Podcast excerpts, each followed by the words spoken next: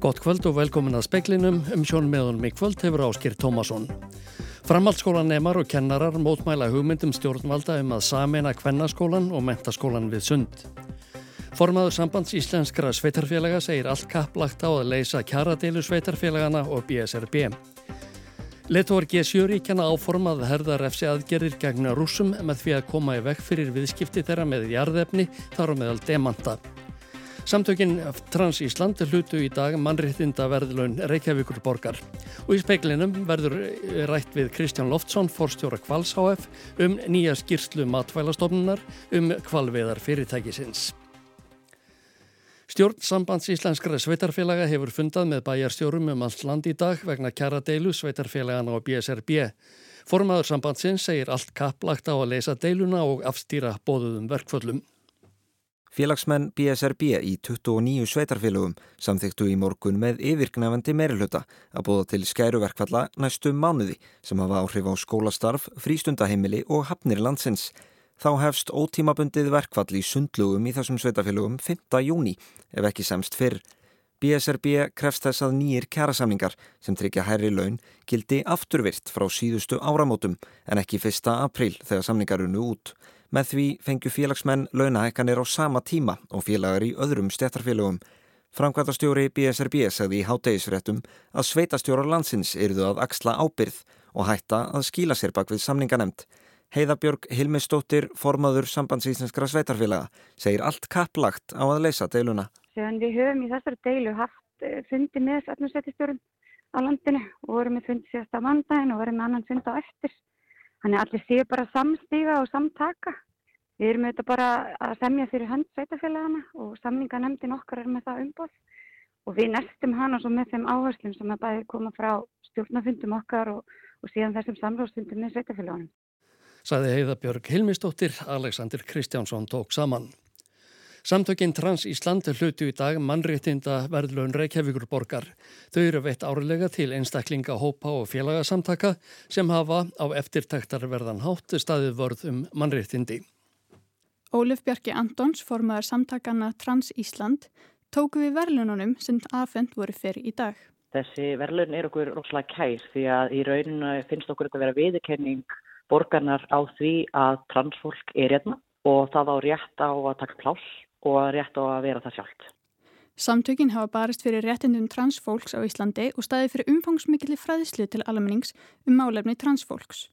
Óluf Björki segir þeirra helsta baráttumál um þessa myndir sé að tryggja lagarlegum réttindum transfólks sé framfyllt. Við erum að íta við heilbreyðskerfið að sinna þeirri þjónustu sem við eigum lögverðaða rétt á og við erum einnig að fræða almenning og reyna að koma vitundavakningu um transfólk þar sem að transhatri fæstu aukana og við erum að reyna að koma réttum upplýsingum til almennings. Hins einn samfélag hefur kallað eftir aðgermi stjórnvalda vegna vaksandi haturs gegn transfólki. Óluf Bjarki segir að þó svo alltaf megi gera betur þá hafi stjórnvöld brugðist við og unni síðan aðgerra á allun gegn vandarum. Verluna fjöð nefnir 600.000 króna og segir Óluf Bjarki félagi vilja nota vel launin til að styrkja transsamfélagið sem hefur átt undir höggasækja. Okkur langar að gera eitthvað fyrir samfélagið og styrkja tengslanett transfólks sem hefur oft verið einangrað vegna, vegna fordóma og jæðsetningu.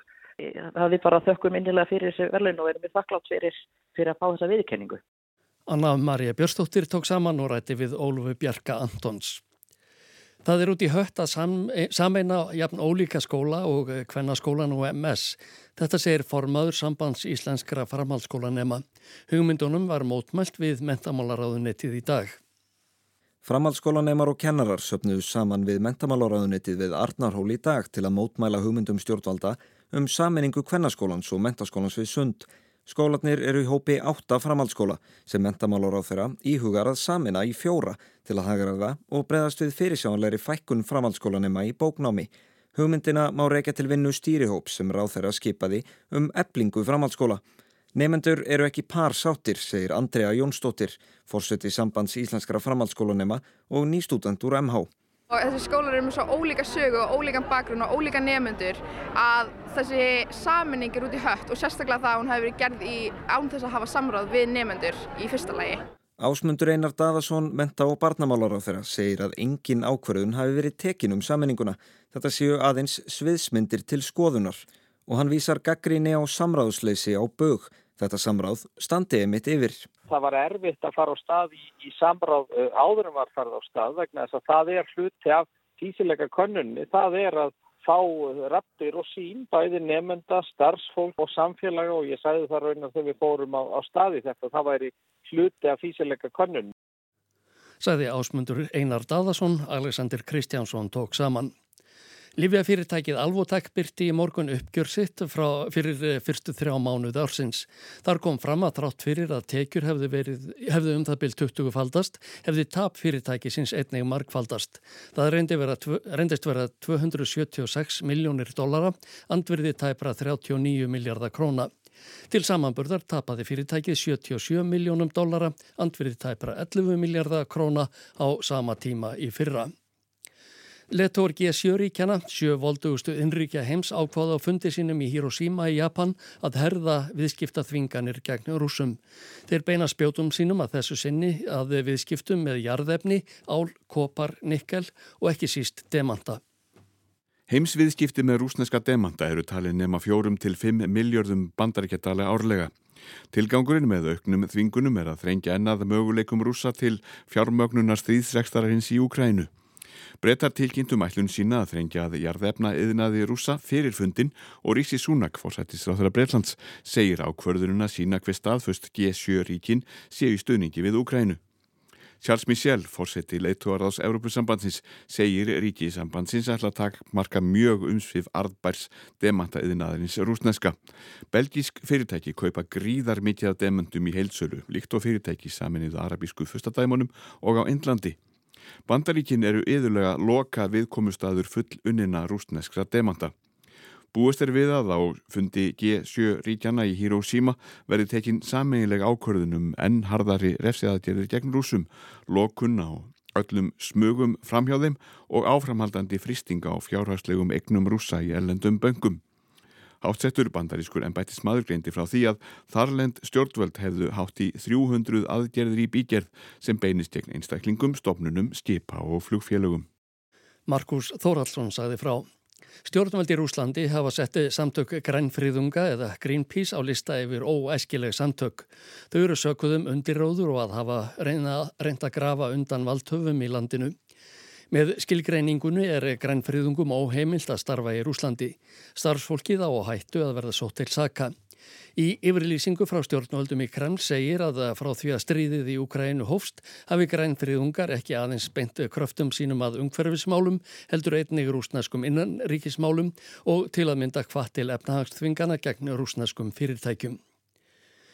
Alþjóða heilbriðistofnin hefur bóðið ítölum aðstóð vegna hamfarana í Emilia-Romagna hér aði í mestu úrhellisregningum sem þar hafa komið í heila öld. Emmanuel Macron, fraklandsforseti, hefur einnig bóðið fram alla aðstóð sem ítalar kunna þarnast. Hamfarirnar hafa kostað 14 manns lífið, nokkura er saknað. Yfir 15.000 hafa orðið að flýja að heiman. Vegir eru illa farnir í hér aðinu og margir ófærir. Víða er rafmaks og símasambandslaust. Nánar verður fjallað um hamfarirnar í Emilia-Romagna síðar í speklinum. Veður gæðunum er misjaflega skipt millir landsluta þessa dagana. Á meðan í bor á söður og vestur hluta landsins þurfa að sætta sig við kulda og bleitu er einmun af veður blíða á norður og austur hluta landsins. Hiti skreið upp fyrir 20 gráður og þremur stöðum, eigilstöðum, hallanstað og borgarfyrði eistri. Þetta er í fyrsta skipti á þessu ári sem hitir feri yfir 20 gráður og miðað við spár veðurstofunar er ekki ósennilegt að höfuðborgarbúar renni hýru auga til norður og austurlands næstu daga.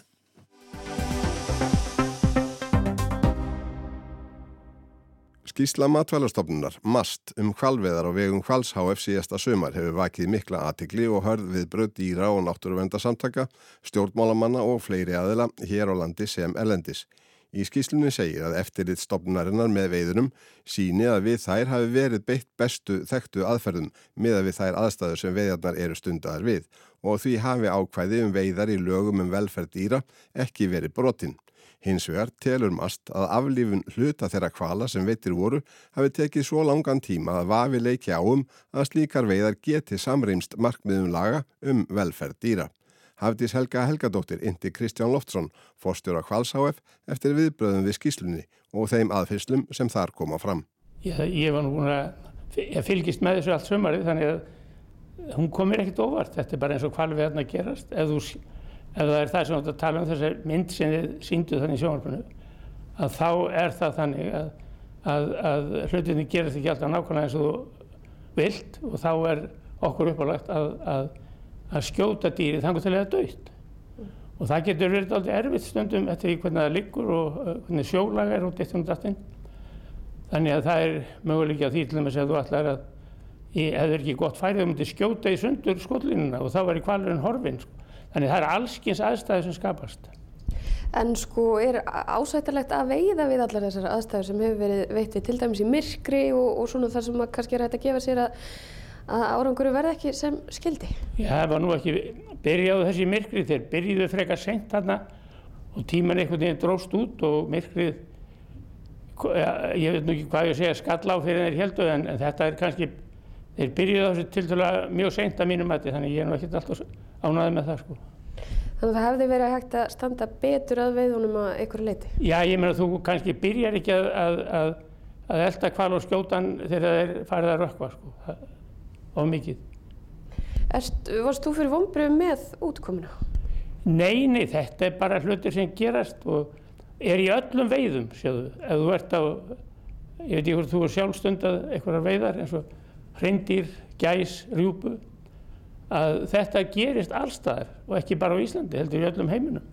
Er ásættanlegt að halda þessum veiðum áfram ef það er ekki hægt að gera það betur en svo að dýrin kvæljast mínundum og jável klukkutímum saman? Já, veiðar er alltaf veiðar. Þú, þetta er ekki bara sko, eins og er, þú heldur í sláturhúsum og þar er þetta nú ekkit, oft ekkert betra heldur en kannski veiðar eh, upp til hópa. Þar eru þau með bakka upp græjur ef eitthvað fer úrskeiði sjáðan. Þannig menn halda að það sé allt sko klift og skorið en, en eftir mínum uppsynningu þá er það ekki alltaf þannig. Menn reyna að, að, að drepa dýri strax en það getur farið úrskeiðis og síðan eru menn þá að reyna að finna nýja aðferðir og, og, og, og laga aðferðirnar til þess að geta að þetta gangi sem hraðast fyrir sig. En, en, en þegar verður að presentera þetta hér að þá finnst mér, bæði hjá sjónvarpunum, hjá ykkur og fleirum hérna í blöðum og annað, að þá er eins og þetta sé normið, sko, sem er eh, enga veginn þannig. Í skýslinu kemur meðal annars fram að tali sé að tveira hverjum þremur skottnum hvölum hafi drepist eða mist meðvitund fljótt eða samstundis. 14 hvali hafi þurft að skjóta oftar en einu sinni, þar af tvo fjórum sinnum. Það tók tæpa klukkustund að aflífa annan þeirra og um tvær klukkustundir að aflífa hinn. Einum hval var veitt eftirföri í 5 klukkutíma en þá var eftirförinni hætt og eins og fram kemur í skýslunni þá var henni hætt vegna vélarbilunar. Kristján er hins vegar afar ósáttur við að þetta síðastnemda hafi ekki komið fram í samantekt fórstjóra á mast. Þannig að það er sko að mínum að þið vísvitandi unnið því að sverta sjómen og okkur að þessu aparati mast. Mm -hmm. Í skýrslunni kemur fram með mitt að þeir hafi þurft að frá hverfa vegna þess að báturinn hafi orðið vélafanna. En þetta er samantektin sem mast gerir og þetta lesa til dæmis þið hérna á fjölmjölunum og margir á þessu fjölmjölunum alþingismenn, Katrín Þorgjörður Katrín alveg fróðufeldi þarna í þinginu yfir þessu en það vantaði nýðulægið á, á hvað hafi gerst og ég segja að þetta sé vísjöndandi verða sverta sjómenn sem er að gera sitt besta og myndu hafa örgulega náður sem kval fyrir rest, ég alveg samfærður um það, hefði ekki bílað. En af hverju ættu Marsta vilja já, einhvern veginn sverta ykkur og ykkar starfsmenn? Já, af hverju eru þá að senda frá sér hérna samantækt á þessu skýslu sem að það sem sleppa aðalatriðunum eins og það að menn hafi ekki getað eld kvalina nema að, að, og sleppa því að, að sem ég var að segja þér á þann að þau verðum vélabilunaræða. Það, það kemur fram í, í skýslunum í skýslunum sjálfur en það les engin alla þessa 55 blaðsjur, það er nú bara þannig. Og pólitíkusar og sluðis og bladamenn ef þeir fá þetta matreitt upp í sig í einn ein og hálfri síðu þá er það notað. Og það er ekkert annað tekið en það. En einn fjörði dýrana var skotin oftar en einu sinni, er það ásætanlegt? Já, það er, en svo stundum er verið að skjóta að því að menn er ekki alveg vissum hvort þessi döður, þannig að, að, að hvort að þeir hafi verið döðir eða alveg við að drepast en fá í sig annars skuldul. Því að tíminn er, er stuttur þarna í megnun af þessu. Það eru tvö dæmi þarna sem standa út úr og í öðru þessar á þessum myndböndum að þá sprungu ekki tværa fjórum sprengjum. Fyrsta sprakk en draf hann ekki, svo nummið tvö fór á bein og það fór ekki nógu langt inn í kvalinn til að, að, að sprengja virkaði og svo þriðja líka en svo fjórða draf hann þannig að það er svona margt sem gerist sko. og hvað ætlar að gera? Alltaf, bara hætta við og skera línuna, það, það væri hægt að gera það ef það er, ef það er tilgangur lagana hérna en ef það væri anda lagana eins og þið segja en við gerum það ekki, okkur er uppálagt að, að, að, að skjóta þá ef það svona tekst til, þángar til henni döður. En ef við bara snúum okkur að því sko hvort að kvalur, uh, ég sé að hagnast á þessum veiðum, er kvalur að hagnast á kvalveiðum? Já, já, en það kom út eitthvað rapport þarna um daginn, ég veit ekki hverju hafið útbúið það, alltaf ekki við þetta kvalaskoðunarlið og, og, og sá flokkur og þar uh, var sagt við höfum tapað 3 miljardum á 10 árum. Af þessum 10 árum vorum við stundum við kvalið verið fjögur ár og af þessum 6 árum sem við ekki vorum í gangi að þá tók það þrjú ár fyrir mast að láta okkur hafa leifi, vinsluleifi, þannig við komumst bara ekkert á stað. Hver mikill er hagnaðurinn af kvalöðunum? Já, ég er ekkert, mann það ekkert núna, það er, þú getur bara flett upp reikningunni hjá okkur, þá séu það að þú hefur áhuga á því. Teluru að niðurstað þessari skýrslu, að útkoma þessari skýrslu, geti eh, gert það verkum að þeir fáið ekki endun í að leifi til veiða eh, á næsta ári? Eða ef það væri aðalástaðan, að þá held ég að veiðmenn á Íslandi þurfa að fara að hugsa sem gang. Því að þá er þetta, þá eru þeir að stoppa reyndir yfir gæs og allt hvað heitir. Þessi, sko, fyrst, fyrsta leið þá teljum við, það er okkar skoðun að þessi reglugir er sett uh, í, í nafni laga þarna, ég man ekki þessi númer, um vernd hérna, dýra, dýravend, sem snýst aðalega um sko, söðfjárhald og, og, og halda hús, húspenning, gefa þeim nóg að borða og fóðra þau vel og, og brinna þeim á da da da da. En þar eru hefðbundna veiðar og veiðar á viltum fiski undanskilin. Þannig að, að, að þau eiga enga við við um hefðbundna veiðar og hérna veiðar á viltum fiski. Þetta er náttúrulega ekki fiskur? Nei, þetta er sjávarspendir en er, eru hefðbundna veiðar. Þannig að við, okkar mati er þetta ekki, eiga þessi lög ekki við, þannig að reglugirinn er algjörlega sett í andstöðu við, við lög hér í landinu. En, en aftur í þessu kvalviðleifi sem höfum, sem eru sérlögum kvalviðar, er skrifað niður hvernig að, að, að skuli staðið að þessu, það er notað þessi sprengja. Og, og, sagt, og þú hættir ekki fyrir að búin að drepa dýri, það er bara þannig. Síseppart hefa búið að komu sína hinga til landsetti ykkur í einhverjar stellingar vegna þess? Er það virkilega? Það er bara frittum maður eitthvað. Þannig að nei? Nei, við setjum okkur ekki neina stellingar. Við höfum fengið þetta leið í heimsókn áður svolítið. Það var nú eitt bátur eld okkur í fyrra sumar. En þeir gáttum að kyrta hann af sér þannig að, að það varði ekki neitt úr nöðunum og helvitis pláa. Þetta er nú ekkit alveg semst einfaldast í heimi að hafa svona terrorista hangandi yfir sér sko, því þetta eru dæmdir eða yfirlýsti terroristar þessi sem þú nefndir á hann. En eins og ég sé, við, þetta er bara okkur uppálagt að gera þetta svona og, og svo lengi svo gerir það þá veit ég hvað hva svaka hérna hvað maður að segja, músefjun allt í hennu fyrir gang og það er ekkit, en það er vegna þess að þetta er kynnt þannig af fjölmjölum og að undila í mars, það er ég alveg samfæður um. Ef að leifið verður ekki veitt á ný, hvað gerir þið þá? Það kemur í ljós bara. Þú spilar ekki út á öllum trompunum strax, sko. Nei, nei, við, við, það, það kemur bara í ljós. Þetta saði Kristján Lofts, Loftsson í viðtali við Hafdísi Helgu Helgadóttur. Ævarur Njósefsson tók saman.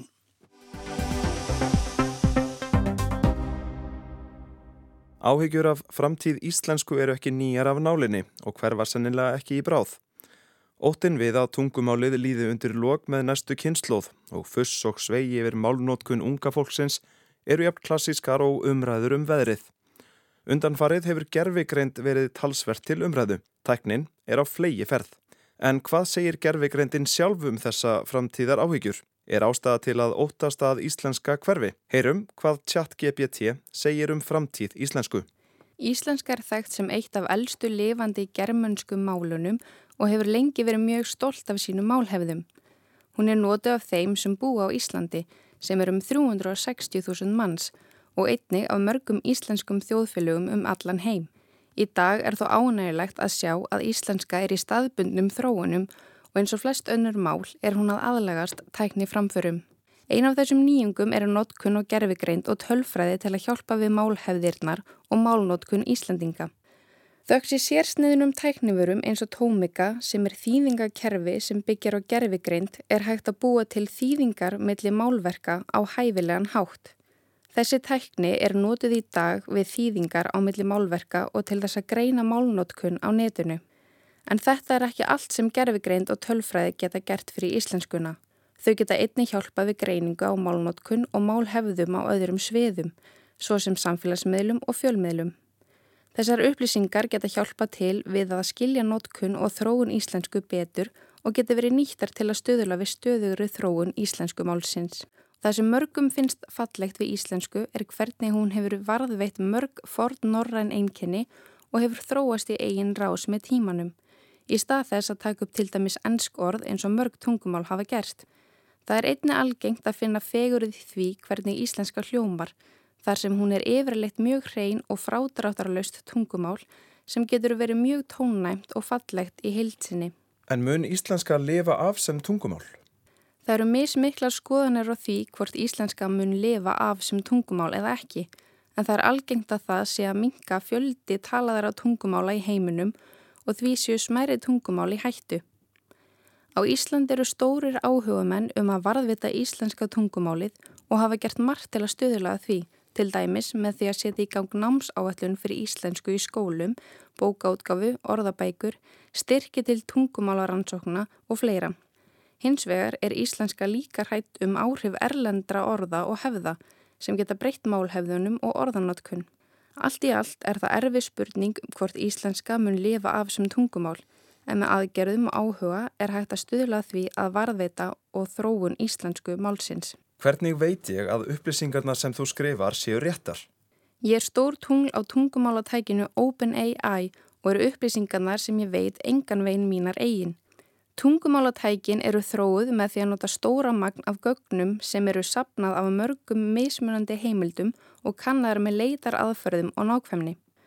En eins og allar aðrar upplýsingar á internetinu er hægt á því að einhverjar upplýsingar geti verið úröldar eða rángar. Ég reyna alltaf að kanna upplýsingarnar sem ég gef og nýta áræðanlegar heimildir. En ég mælu með því að einning þú kannir alltaf heimildirnar og upplýsingarnar sem þú færð á netinu og sannreinir þær áður en þú treystir þeim. Þarna heyrðum við texta sem önnin var af gerfigreindinni Chat GPT. Dagný Lind Erlendstóttir ljáði rött sína. Bjarni Rúnarsson tók saman.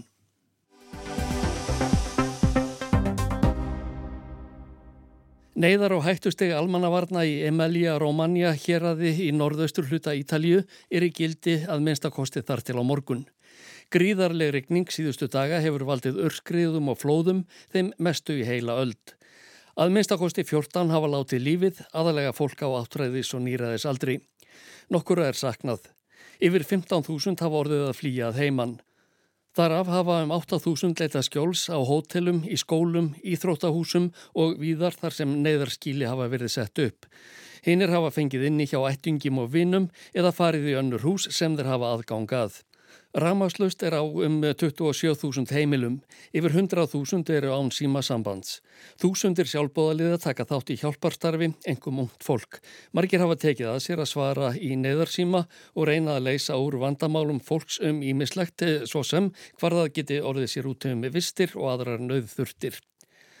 Að sögn ítalska ríkisútvarpsins RAI hafði um nónbil í dag verið tilkynnt um 58 flóð í 43 sveitarfjölugum í héræðinu. Á sjötta hundrað vegir voru lokaðir og á þriðja hundrað lokaðir að hluta. Skriðurnar voru hátti í 300. Þegar strandgæslan flög yfir í þyrlu síðdeis blöstu við umflottnir akrar, þaktir öyri og leðju. Matteo Lepore, borgarstjóri í hérasöfuðborginni Bologna, greindi frá því í útvarpsviðtali að tjón af völdum hamfarana í borginni einni næmið að minnstakosti 6 miljardum evra. Sú tala sagðan að þetta öruglega eftir að hækka. Ítalskir fjölumílar hafa í dag byrt fréttir, myndir og myndskeið af björgunarstarfi í borgum og bæjum í Emilia Romagna og rætt við fólk sem á um sárt að binda. Rimasti dalle 4 della mattina fino alle 4 del pomeriggio. Við vorum í vatni frá fjögur um nótt til fjögur daginn eftir, saði kona sem ítalska sjónvarpið náði tali af í neyðarskíli í Lúkóti í Romagna í dag. Önnur sagði frá því að hún og sambílismadurinnar hefðu lokast inni vegna þess hver ströymurinn utan dýra var sterkur. Þegar þeim tóst loks að opna bárust þau með ströymnum langa leið þar til þeim tóst að á handfestu á vegg og bjarga þannig lífi sínu. Í bænum Lúko í Ravennasíslu eru allar götur um flotnar vatni. Herbílar fara um, sumir með björgunarbáta í eftirdrægi. Þar sögðust hjón sem ösluðu eftir gangstjætt aldrei hafa upplifað annaðins í bænum sínum. No, Vegna flóðana var það aflýsa Formúlu 1 keppninni sem átti að fara fram í gær á Ímóla kappakstusbrautinni suðaustan við Bologna. Hlutibrautarinnar liggur með fram áni Santerno sem flæðir yfir bakka sína um þessar mundir. Í yfirlýsingu sem stjórnendur keppninar sendu frá sér á lögardagsmorgun segir að þeir hafi í samráði við yfirvöldi héræðinu ákveðið að aflýsa keppninni þar sem ekki hafi verið hægt að tryggja öryggi áhorfenda, keppenda og starfsforks keppnisliðana. Svæðinu var raunar lokað strax á mánudag þannig að ljóst var í hvað stemdi.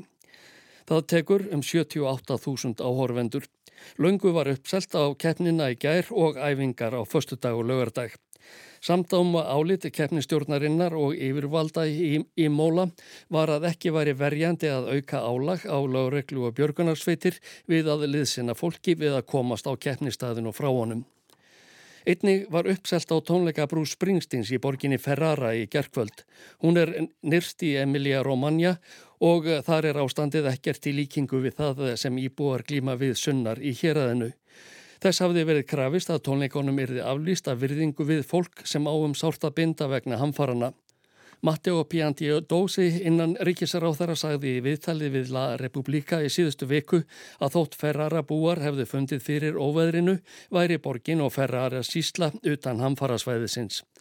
Alan Fabri, borgarstjóri, skrifaði á Twitter á fyndudag að hann harmaði það ef einhverjum fyndist hann tilfinningalös fyrst hann aflýsti ekki tónleikum Springsteins. Hann hafi fengið að kenna á hörmungum þegar hann var borgarstjóri í Bondeno í mæ 2012 þegar tveir skjáltar riðu yfir á norður hluta Ítalju með þeim afleðingum að 27 léttu lífið. Hann hefði þá ekki farið fram á að neinum viðburðum yrði aflýst. Fabri bætti við að, að það væri meir en að segja það að aflýsa viðburði sem hefði verið í undirbúningi í tvö ár. Þúsundir hefðu komið að verkinu og tög þúsundir ferðamanna væru búin að kaupa miða á tónleikana, flugfar til Ítalíu og tryggja sér hótelgistingu í nokkra daga. Svo fóratónleikarnir voru haldnir í gerkvöld. Bruce Springsteen helsaði Ferreira búum og taldi í fyrsta lagið No Surrender, enga uppgjöf.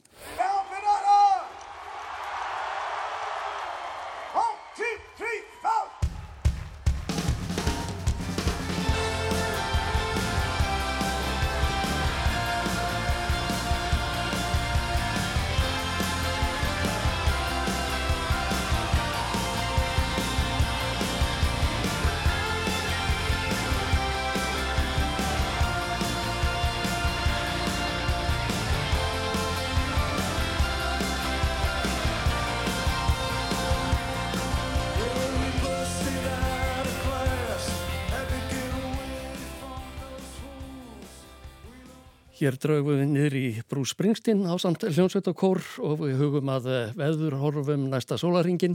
Það verður söðvestan 10-18 metrar á sekundu, kvassast norðvestanlands.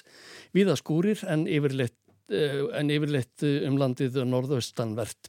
Kólnar smám saman, hitti verður 4-12 stig á morgun, mildast norðaustan til. Fleira er ekki í speklinum þessa vikuna. Tæknimaður var Mark Eldredd og frétta útsendingu stjórnaði Margret Júlia Ingimarsdóttir.